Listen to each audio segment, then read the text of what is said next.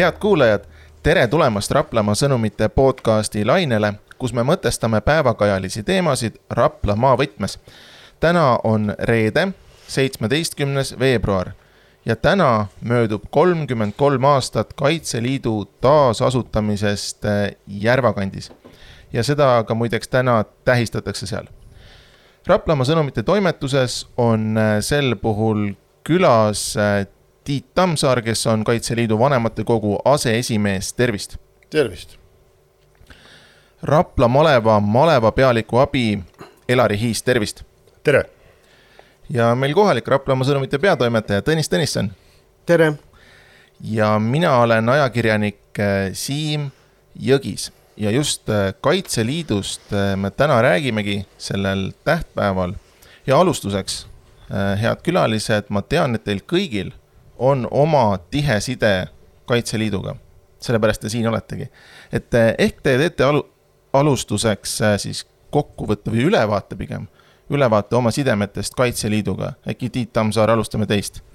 jah, aitäh. et kõigepealt loomulikult eh, kõigile kaitseliitlastele ja kõigile teistele tublidele Eesti kodanikele, siis palju õnne Kaitseliidu aastapäeva puhul, järjekordse.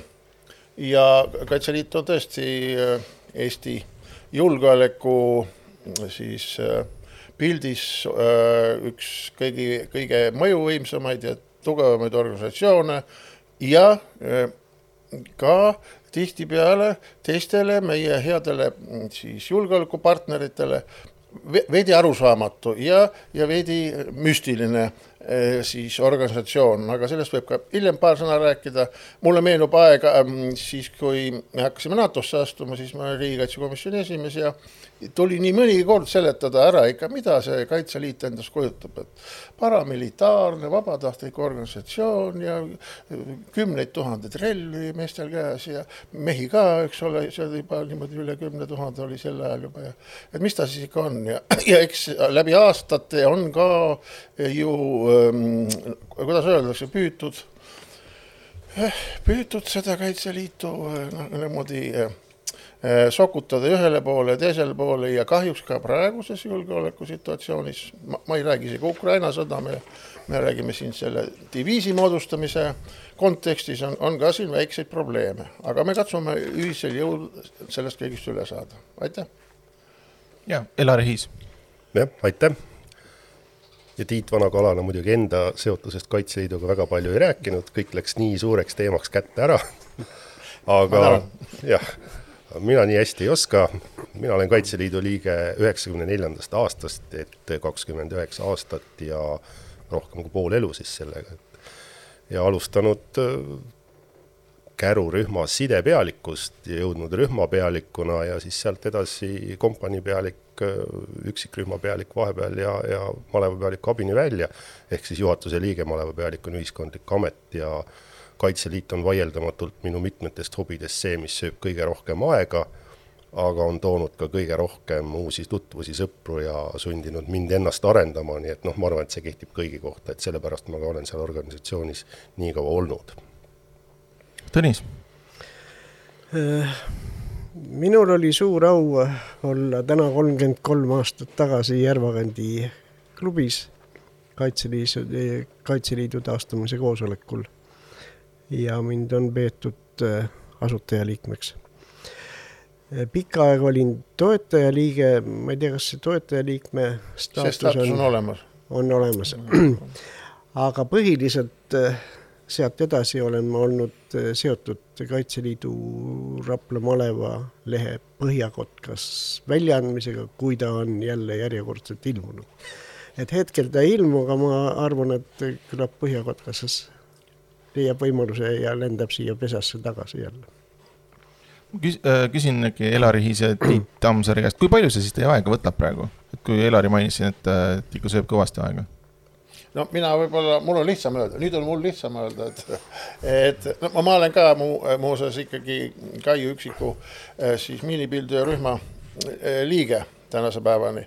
Ja põhiliselt, eks tuleb siis just vanematekogu töös osaleda ja see ei olegi nii väike töö, ma usun, aastas võib-olla üks no kümme päeva kindlasti läheb, võib-olla isegi natuke rohkem, kord kvartalis on see korralised koosolekud ja, ja, ja siis noh, on ka erakorralisi, näiteks käisime Tartu malevat külastamas kaks päeva, pidasime loenguid ja kuulasime ja vaatasime, kuidas, kuidas siis asi on Tartus. noh, Tartut ei saa muidugi äh, Raplaga võrrelda ausalt öeldes, aga, aga uhkeks teeb linna küll, et mõned, mõnel pool on ikka asi päris vägev, no meil on ka hea. kui palju see siis äh, aega võtab? ma nüüd mõtlesin Tiidu jutu ajal, et äh, see sõltub ju sellest, et kes sa oled. et kui sa oled lihtsalt reservist, kaitseväelane, kes käib enamasti õppustel siis see noh, võtab sedasi kolm-neli, võib-olla viis nädalavahetust aastas. aga kui sa oled ka ühiskondlikus liinis, ütleme juhatuse liige, siis lisanduvad sinna igasugused juhatuse koosolekud, muud asjad, sa pead äh, ka kohalike oludega, päevapoliitikaga kursis olema. et noh, ma arvan, sedasi ikka noh, mingi kolm nädalat aastas on seda aega, kui ma tegelikult kokku nagu noh, panustan, et kusjuures see, et sa pead ennast kursis hoidma ja noh, kui Tiit ütles, et Tartu asi ajab rinnakummi, siis minu teeb meele mõruks, et Rapla inimesed natuke meie staabihoone arenduse vastu siin meelt tõstavad ja arv-, arvamust avaldavad. nii ongi nõus, ma olen sinuga nõus, et noh, ma mõtlesin, et me jõuame niikuinii see Kopramäe eh, kinnistuni, et, et ausalt öeldes mind, eh, kui ma seda kuulsin ja kahju, et ma ei saanud sellel koosolekul viibida, et, et, et see on ikka uskumatu, kuidas inimesed ikka ei saa asjast aru.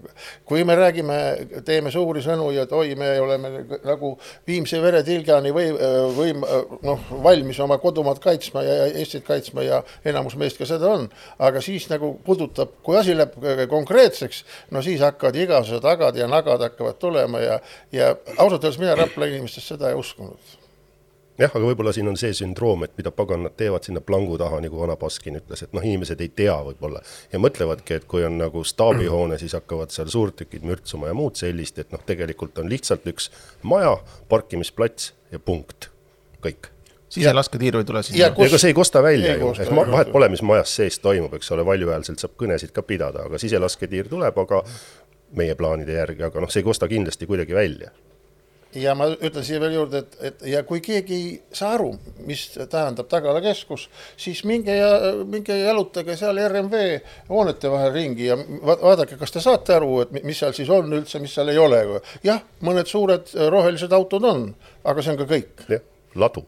Ladu aga ma olen eh, Helariga selles mõttes eh, nõus, et eh, lihtsalt ei teata, mis tuleb ja, ja see kommunikatsioon peaks olema asjade käigust eespool jah, samas Rapla vald on seda teemat ju noh, planeeringumenetluse ja muude asjade käigus väga pikalt teadnud, et ja eks sellest on moel või teisel ka juttu olnud, aga ega kohalikud teadvustavad alati asju siis, kui noh, kui ilmavaatamis, kui lumi maas on mm -hmm. ja hakkavad naastrehve vahetama, või siis, kui, siis kui nagu ehituseks läheb või väga asjaks läheb, et enne nagu keegi väga ei loe ja ei kuula jah, et võib-olla ütled, labidas on maa sees, siis, siis läheb kisaks, et äh, veel kord ma kõigi Rapla inimestele siis ikkagi mm, paneks südamele, et, et see on, Rapla muuseas on üks kahest maakonnast, kus veel ei ole midagi asjalikku ja need tingimused, mis täna on Rapla maleva jaoks on ikkagi, andke andeks, noh, ma ei, ma ei taha öelda, et nad alandavad on, aga nad on, on ikka, ikka küll. noh, no tubli, et sa seda ütlesid, et nad on ikkagi äh, noh, äh,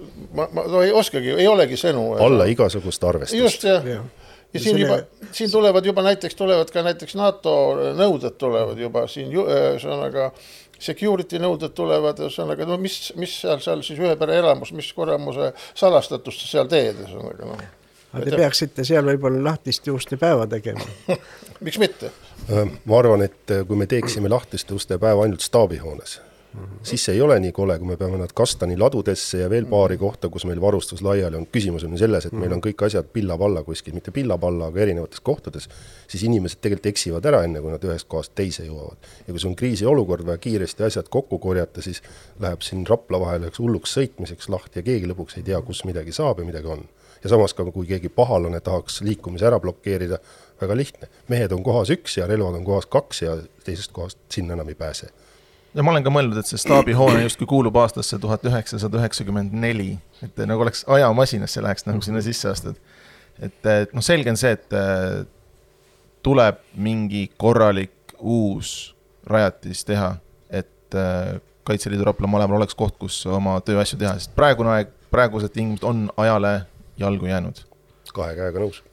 no selle kohta võib-olla ma natuke olen informeeritum, et, et teatavasti Kaitseliidu iga-aastases eelarves on praegu stabiilselt neli ja pool miljonit eurot investeeringuteks aga äh, praeguste ehitushindade juures ja ehitusbuumi juures arvatakse, et niisuguse normaalse nõuetele vastava siis keskuse eh, hind võiks läheneda kümnele miljonile, nii et, et meil ei, me ei olegi sisuliselt noh, ausalt öeldes, ärge Kopramäe inimesed, ärge papistage, lähematel aastatel seda küll ei tule, noh, see on naljaga pooleks öeldud tuleb ikka küll. ei, ei, ükskord ta tuleb niikuinii, ma olen, mina, nii kaua kui ma seal olen, nii kaua ma seisan selle eest loomulikult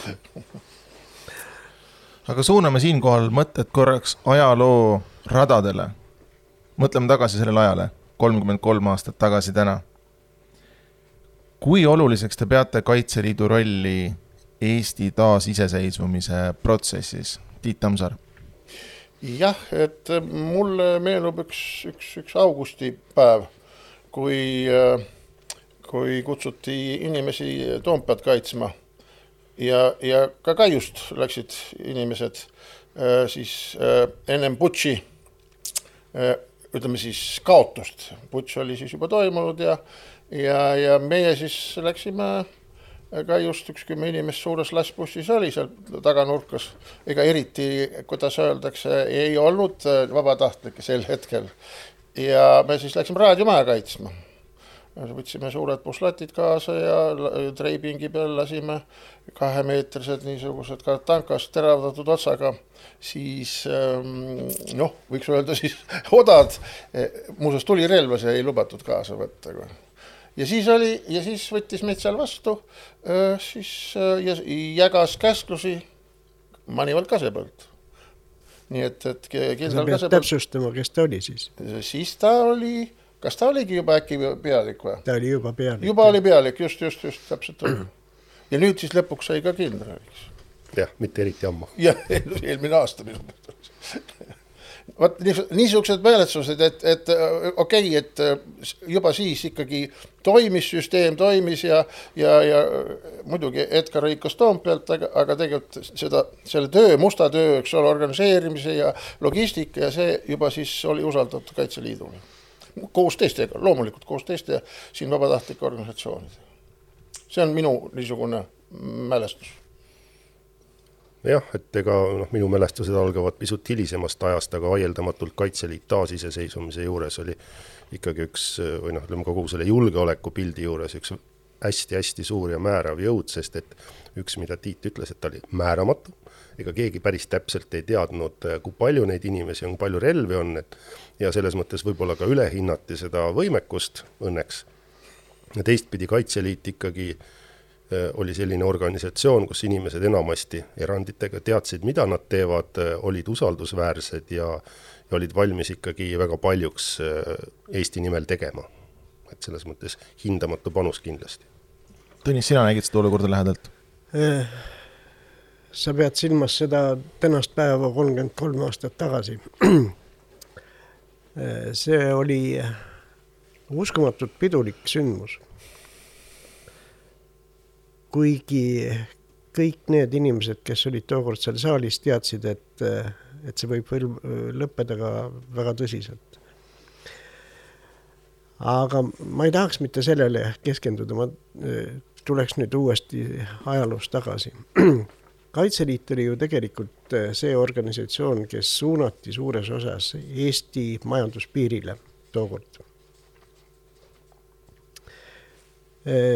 kui ei oleks seda organisatsiooni tookord äh, veebruaris üheksakümmend sündinud ja kui ta ei oleks nii kiiresti organiseerunud, ehk siis tegelikult oli ta ju Eestis juba justkui valmis, et see mõne kuuga oli kogu riiki või, või kogu Eestit kattev organisatsioon olemas. ja tänu sellele jäid paljud tõsised sündmused siin toimumata, kõik see, mis oli näiteks Lätis või Leedus. aga ma läheksin ajaloos veel kaugemale. Äh, Kaitseliit likvideeriti tuhande üheksasaja neljakümnendal aastal. relvastus võeti ära ja ometi neljakümne esimese aasta suvel, kui tekkis tõsiselt arvestatav vastupanuliikumis, olid just nimelt Kaitseliidu ohvitserid ja kaitseliitlased need, kes läksid metsa ja alustasid vastupanu. nii et eh, selle organisatsiooni tähendus on palju laiem, kui me alati oskame hinnata ja kui siis salapärast rääkida, siis võib-olla ka üks episood veel, aasta oli tuhat üheksasada üheksakümmend üheksa. Äh, ennem Riigikogu järjekordseid valimisi ja, ja siis oli esimene siis taasiseseisvunud Eesti ähm, Kaitseliidu seadus oli vastuvõtmisel. ja ausalt öeldes noh, tuhat üheksasada üheksakümmend üheksa, see ei olnud ühesõnaga eriti ammu ja ja ma mäletan nii selgesti, mida siis Peeter Lorents siis komisjoni esimees, ma olin komisjoni liige ja seal me tegime selgitustööd ja ja siis oli niimoodi, et üle kuuekümne inimese oli saalis ja hääletas selle poolt, teate palju või? Kaitseliidu seaduse, esimese seaduse poolt kolmkümmend kolm inimest. paljud ikkagi veel ei julgenud. täitsa uskumatu, aga nii ta oli. üheksakümmend üheksa? üheksakümmend üheksa tuhat üheksasada üheksakümmend üheksa, mhm. esimest korda taasiseseisvunud siis Eestis ühesõnaga võeti siis uus seadus, muidugi vana, põhiline oli siis vana Kaitseliidu seadus baasil, eks ole, ja moderniseeritud, aga niisugune ajalooline fakt oli olemas, on olemas päris huvitav, mis need põhjused seal taga võivad olla, kas aga... umbusaldus jätkuvalt või? Vaata, see on see umbes nii nagu paljude loodus, vabandust igasuguste roheliste ja, ja, ja muude siis ähm, tublide, muidu tublide inimeste puhul nagu täna, et jahimeeste, suhtumine jahimeestesse, et nad on ikka need veriste kätega ja lihaahned, ühesõnaga lurjused, kes luusivad metsa vahel ringi. umbes samasugune, mitte noh, ma toon lihtsalt paralleeli, eks ole, ikkagi, et noh, et seesamane niisugune välja kujunenud ka loomulikult loomulikult siis okupatsiooniaastad loomulikult siis seda süvendasid, et kõik, mis on, kuidas öeldakse, metsas ja relvadega, et see on siis, see on siis ikkagi kahtlane. ja, ja nii ta oli, see on fakt. jah, ja võib-olla kui tänasel siis pidupäeval tagasi minnes sinna samasse aega, millest Tiit rääkis, see oli ka see aeg, kui me hästi mäletame, siis igale jamale, kui oli vähegi seotud kaitseliitlasega, siis seoti see tema kaitseliikme, Kaitseliidu liikmelisus juurde. kui ta oli roolijoodik ja kaitseliitlane, siis see sai kindlasti ära märgitud, midagi juhtus, mingi õnnetus relvaga, jälle Kaitseliit ja ma arvan sellest ka nende inimeste kõhklused, et noh, see oli see, kui sa kaitseliitlane olidki see, et hmm, mida nad seal plangu taga teevad. aga mine tea, aga mine tea. saavad relvad ja äkki siis noh ja, ja just, just, just. aga jõuame siinkohal tänapäeva. milline on Kaitseliidu koht eh, Eesti tänases julgeolekusüsteemis?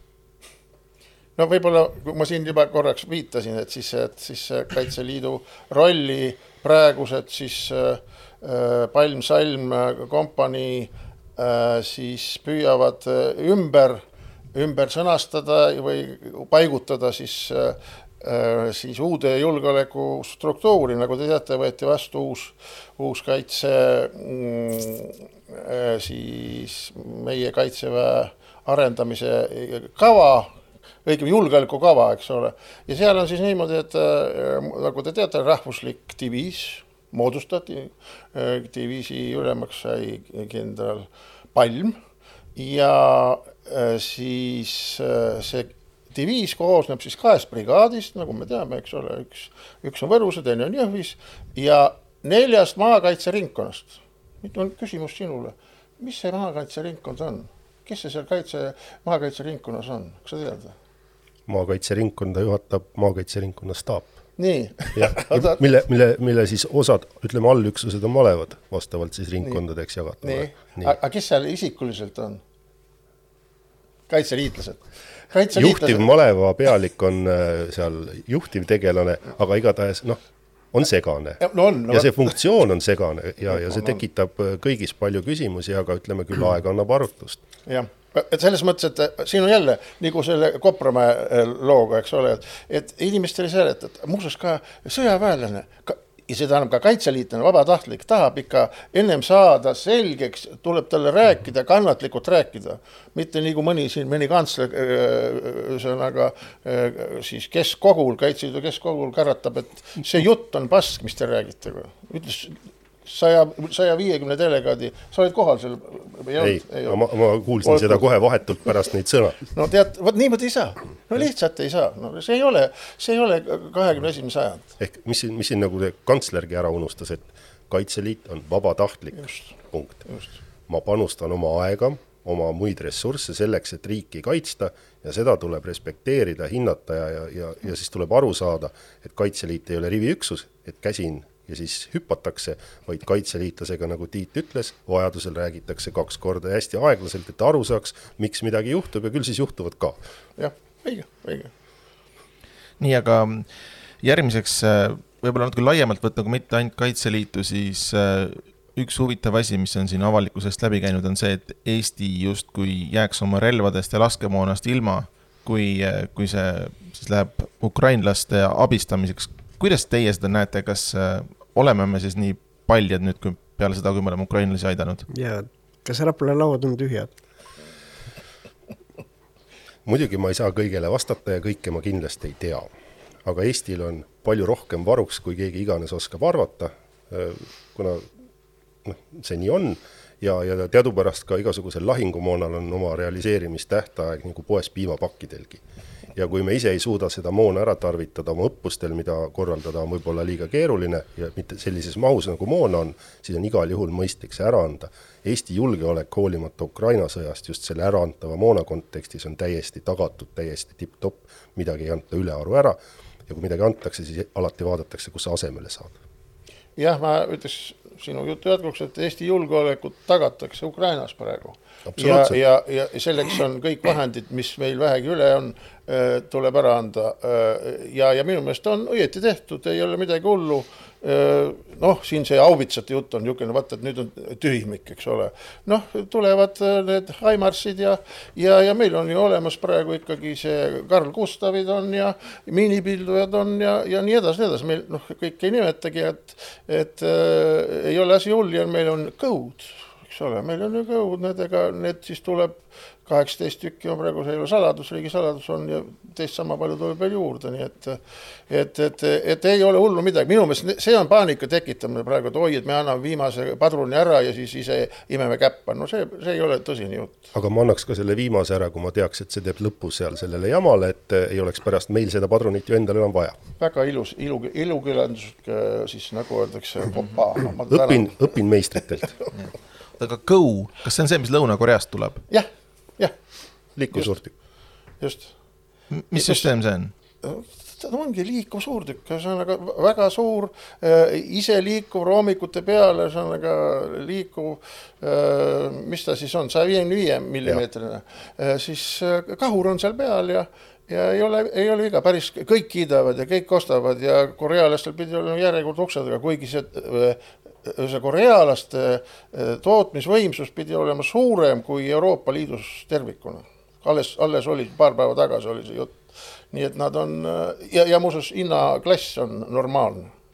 Kallid, kalleid ja ilusaid asju oskavad kõik teha, aga, aga mitte nii kallid, aga otstarbekaid asju on, on, on raskem saada ja lõunakorealased on kindlasti usaldusväärsed, sest neil on äh, vastane kohe piiri taga, et äh, nad teavad, mida nad teevad. mis seal salata, nende kogemus on isegi terve Euroopa Liidu kogemusega võr võrreldes, väga suur. jah, ei ole, ei ole, ärge sellepärast küll äh, nüüd väga siin paanikasse minge ja ärge kuulake nende poliitikute juttu, kes siin räägivad, et oi-oi-oi, me oleme nüüd hädas ma ei räägi käsitulirelvadest, andke andeks, neid torusid on kõik nurgatagused täis. no ainuüksi ma ütlen, ma tulen jälle siin, kuna ma olen ka jahimeeste seltsi juhatuses, et, et äh, alati ma küsin, et, et milline on kõige suurem siis äh, relvastatud äh, jõud Eestis. Need on jahimehed, nendel on üle neljakümne tuhande toru, nelikümmend tuhat toru. Kui palju neist on äh, mitte eestimeelsed? see on hea küsimus, see, ära pabista, sellepärast ära muretse Need on kõik arvel ja need võetakse, koristatakse ära ka, ära pabista kas me jätame selle lõigu sisse? ja ikka, ikka, miks. igaüks vastutab oma sõnade eest. ei no see on, küsis õieti, see on ka niisugune hirm. isegi Kaitseliidus on see küsimus ja tegelikult see on ka Rapla malevas tõstatunud küsimus, kui ikkagi üks ja tõesti, jahimehest kaitseliitlane ajas väga Putini-meelset juttu ja ma ei ütle, kust piirkonnast ja siis antigi teada, et selline lugu on ja eks ma arvan, organid vestlesid. ikka, ikka, ikka, ikka, tegeldakse sellega, see, see ei ole nii hull, muidugi ütleme siis niimoodi, et, et kõik need erakonnad, kes on enne võimul olnud, eks nad on natuke lasknud seda noh, siseministeeriumi ridapidi natuke lohkalt on seda asja lastud, et tegelikult ei oleks pidanud üldse niisugust situatsiooni Eestis olema ühesõnaga meid siis seda, kuidas öelda, seaduskuulekat inimest kontrollitakse eest ja tagant ja jahimees eriti, ühesõnaga näiteks kui jahimees vindise peaga sõidab, siis korjatakse relvad, kõigepealt korjatakse relvad ära. Ja siis võib-olla korjatakse ka jahi või see äh, siis sõidutunnistus, juhiluba. korjatakse, võib-olla korjatakse, aga relvad korjatakse alati ära. Noh, näiteks niisugune, niisugune seadus on praegu, nii et me ütleme siis niimoodi, kõik relvakandjad on topeltkontrolli all ma küsin veel selle julgeoleku olukorra kohta Eestis, et äh, kas see vastab tõele, et me praegu polegi kunagi nii head julgeolekuolukorda olnud, sellepärast et Pihkva alt on kõik äh, viidud kuskile Donetskisse ja Luhanskisse? ja paljud neist on juba seal oma otsa ka leidnud. et jah, piiritagune on hõredamalt kui kunagi varem mehitatud, aga noh, kui arvestame igasugust relvastuse, ütleme siis tulevõimsust, laskekaugus, siis noh, tegelikult äh, üle Eesti lasta ükskõik millega Venemaa poolt on ju väga lihtne, et see, kui palju sul mehi piiri taga on, see otseselt näitaja ei olegi. Väga õige. Ja siin täna just oli uudis või? See eilne uudis oli siis see, et, et äh, Ukraina sõjas on hävitatud kaks tuhat Vene tanki, aga viis tuhat pidi veel laos olema. viis tuhat on veel laos Nad ei ole küll, noh, viimase sõna ta,, tangi vanus on üldse niisugune noh, umbes nagu naise vanus, ega seda ei saa, seda niimoodi parameetrid. Lähed libedale teele. ei no okei okay,, see on, noh, ei ole sobilik rääkida, ütleme siis niimoodi. aga pauku teevad nad kõik, nii et, et see, see, on niisugune ettekujutus sellest, eks ole, et jutt, et oi, et, et Pihka, Pihka seitsmekümne kuues see dessantiviis on tühi, eks ole, et kõik on siis Ukraina rindel otsa saanud see, see on väga libe tee, seda uskuma jääda. ma ei taha seda äh, armeed muidugi alahinnata, aga, aga ma mäletan oma kogemuste järgi, et, et äh, Vene armee laod olid ka üsna kahtlased asjad, sealt oli väga palju välja imbunud. ei, need olid väga head asjad, sealt sai kõike, mis vaja. ja sellepärast need noh, tankid võib-olla vähem, aga liikuvad masinad, autod, need on ikkagi poolest saadiks paljaks varastatud. samamoodi on palju varustust maha müüdud, et see on ju meediast mm. läbi käinud, see on, käis, no ma olen Nõukogude armees käinud ja, ja käis siis, nii käib praegu, lihtsalt võib-olla praegu isegi suuremas mastaabis, et et need laod on ja see viis tuhat tanki on olemas, aga ma arvan, sõiduvõimelisi, noh, kui sealt viie tuhande pealt tuhat saab kokku, see on päris hästi. Jah, aga see ei tähenda seda, et seda armeed võib alahinnata. aga see on ka tohutu ei, on küll jah, Eesti tohutu. kontekstis noh, kõik tohutu. sõidavad üle. ma siin, ma saan aru, et siit on vist, on kõik käinud Vene armees, sina oled liiga noor, sina ei ole vist käinud? mina, mina käisin Eesti Kaitseväes no, ajateenistuses. sina käisid üks ära ka ju, jah? no ma olen kolm aastat seal olnud. nii, et, et ja mina äh, mäletan siis väga hea ütlus sel ajal sinu jutu jätkuks, et ma ütlen selle vene keeles, kui tahate, võite pärast tõlkida, et jah ma eh, olen kümme aastat hiljem veel kordusõppustel käinud ja meil oli niimoodi, et kui me Tallinnast välja sõitsime kolonniga, siis viimased masinad jõudsid teiseks päevaks, teise päeva õhtuks Aegviitu. aga nad ikkagi jõudsid? no nad veeti no,. vahet ei ei ei, ei, ei, jah, toodi. ei, ei, ühesõnaga äh, see, mm, ütleme siis niimoodi, et äh, anarhia Matt Barjatka või anarhia on siis see korra ema Venemaal, eks ole, siiamaani ka armeesse käib. ma olen ka selles päris kindel, kuigi mul viimasel ajal mingit, mingit noh, ei ole erilisi kokkupuuteid, aga, aga see ei tähenda seda, lihtsalt see mass on nii suur, nii palju ja. inimesi, eks ole, üle saja miljoni inimese ja kümned tuhanded, ütleme kasvõi tankide puhul viis tuhat tanki, hea küll, no paneb see jutt et üks viiele, ma ei usu seda päris, no võib-olla pooleks, eks no, ole. et, et igal juhul on see müstiline number no.. ja, ja kui me ka inimeste arvu, vaatame, inimeste arvu vaatame, siis äh, võtame see väidetav viiskümmend tuhat vangi, kes lahti lasti. kui need üksi Eesti suunas liikuma panna, siis, siis me oleks sügavas jamas ilma igasuguse regulaarväeta. ei aita siin mingi diviis ega brigaad ka. Või kaks. Ja ma pean tunnistama, et mina sellest venekeelsest fraasist vahepeal aru ei saanud. ma võin tõlkida, ma võin tõlkida, ühesõnaga, et äh, see siis tähendas niimoodi, et äh, kogu äh, rahva poolt loodud väärtused kuuluvad praporšikudele. Ja praporšik oli teatavasti siis selline vaheaste, ta oli kutseline Vene armees juba. ta oli vanem allohvitser Eesti kontekstis Jah, ehk veebel no, no, veebel, jah, veebel veebel. praeguses Jah, kontekstis, jah. noh, need kõik majandusasjad, eks ole, kõik, kuidas oli riietus, kõik olid nende käes, eks ole, nemad jagasid ja keetsid ja, ja, ja toitsid ja, ja värvisid. tagala eest vastutav isik, ütleme, kui jah. sedasi võtta, Jah. jah. no sellega ma olen küll nõus, et äh, Vene armeed tuleb karta, neil oli ju terve külm sõda aega ettevalmistusi teha, et, et minna sõtta siis USA-ga või? Ma, ma parandaks, karta ei ole vaja. ei ole vaja ei karta? ole vaja karta, sa pead neid nendega Aga arvestama, arvestama pead Jah. ja, ja nii ongi. karta ei ole vaja. et lihtsalt nad on nagu terve selle külma sõja ajal oma laod ju kõik ja täis pannud igasuguseid asju, et see ei ole kõige värskem ja kõige targem moon, eks ole, aga, aga see on olemas aga tapab, katki teeb ikka. tapab ikka, jah. nüüd, kas, kas Kaitseliit on praeguses seisus valmis Eestit kaitsma, kui selleks vajadus kerkib? Kaitseliit on alati valmis Eestit kaitsma. ükskõik, kas siis see on välisvaenlane või mingi sisemine jama, et ega ka enne, kui sa küsisid julgeoleku kohta, ega julgeolek ei ole ainult äh, selles küsi-, kontekstis teema, mis piiri tagant võib oht lähtuda.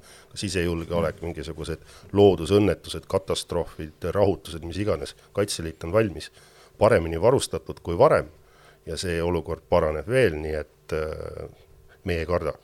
me oleme valmis, aga me õpime, et olla veel paremini valmis noh, nagu te teate, praegu siis seesama see uue doktriini valguses siis ju selle aasta jooksul peab olema formeeritud äh, Kaitseliidu baasil siis lisaks veel praegusele eh, inimkontingendile siis veel kümme tuhat meest. Reservist tuleb kutsuda, need tuleb eh, siis eraldi relvad anda kätte, nende varustus tuleb anda ja selle jaoks on praegu noh, see on avalik saladus, ühesõnaga viiskümmend miljonit eurot on selle jaoks. selleks aastaks, eraldi anti Kaitseliidule muidugi see töö on raske, nagu sa ütled, enamus ju äh, kaitseliitlastest on ju vabatahtlikud. Meil on mingisugune kahesaja inimese ümber, kes on siis, saavad ka palka, noh, need vanemad ohvitserid ja kes siis juhendavad. aga, aga enamus käib vabatahtlikkuse alusel ja see on Kaitseliidul väga suur vas- vastutus ja ka väljakutse, et ikkagi sügiseks, sügisel tahetakse siis niinimetatud siis suuremaid õppusi juba nende kümne tuhande mehe lisa koos, koos nendega juba siis läbi viia, et, et oleks siis kindlas, et, et ne- need on ka meie siis niinimetatud kuumas reservis kohe kät-, olemas. noh, niisugune plaan on praegu, nii et, et ma küll ei, no ja kui, kui veel rääkida, siis see, see jutt siin äh, ka relvadest ikkagi noh, siin ma ei hakka ka seda täpselt ütlema, aga ma väidan, et kaitseliitlastel on tuhandeid relvi täna igalühel kodus, tuhandeid. Nii, nii ja see on avalik saladus, see ju kutsuti siin kadunud, see oli vist, ma ei mäleta, kelle äkki Gerdi ja Gert oli selle es, esmalt selle siis üleskutse vist tegi ja ja siis Kaitseliidus on seda edukalt juurutatud. jah, et meil on kodus igaühel üks, kaks, kolm, nii palju kui vaja, ütleme, kellel on vastavad noh, load, eks ole, ja, ja koolitused ja hoiutingimused olemas, on relvad kodus ja mis on nüüd väga hea areng võrreldes varasema ajaga, on see, et kaitseliitlastel on õigus iseseisvalt läbi viia lasketreeningut, mis tähendab seda, et sa ei pea minema koos terve jõuguga kuskile bussiga piltlikult lasketiiru, vaid võtan mina oma automaadi või mõne muu asja kaasa, lähen Valtu jahimeeste lasketiiru, lepin ajad kokku, lasen seal iseseisvalt, vastutan ise ohutustehnika eest, mul on see õigus kanda relva, moona kaasas, kui ma sinna lähen või tulen ja sellest ei teki kellelgi küsimust. Et äh, asjad on ikkagi arenenud järjest, just selle nimel, et olla paremini valmis. jah, riik usaldab jah, ja me, me seda usaldust ei ole siiamaani kuritarvitanud ja ma arvan, et see, see, see ka nii jääb. Nonii, head inimesed, meie lühike siin laua taga viibimise aeg hakkab äh, otsa saama. kas te tahate veel midagi lõpetuseks öelda või, või tõmbame otsad kokku? tänase pidupäeva puhul. Et veel kord õnnitlused kõigile meie vendadele ja õdedele, väga-väga tähtis on ka noortete organisatsioonid, eks ole, meil ju väga edukalt arenevad ja, ja liikmelisus suureneb ja, ja see nüüd, milline siis ikkagi suur kaitseliitlaste arvu tõus on toimunud siin seoses selle Ukraina sõjaga, see on ikkagi ka omaette muuseas, see on omaette väljakutse, siin ligi neli tuhat inimest praegu vist on juurde tulnud, üle selle isegi. et, et, et inimesed usaldavad ja me püüame olla selle usalduse väärilised. jah, ja kui sa ütled, mida pidupäeval öelda, siis ma arvan, pidupäeval sobib öelda seda, mis iga kaitseliitlane ka tavapäeval ütleb, et Eesti eest surmani. just.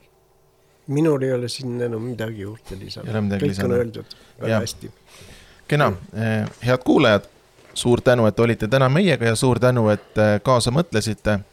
Raplamaa sõnumite podcasti saab ikka ja jätkuvalt kuulata veebilehel sõnumid.ee ja samuti Spotify keskkonnas.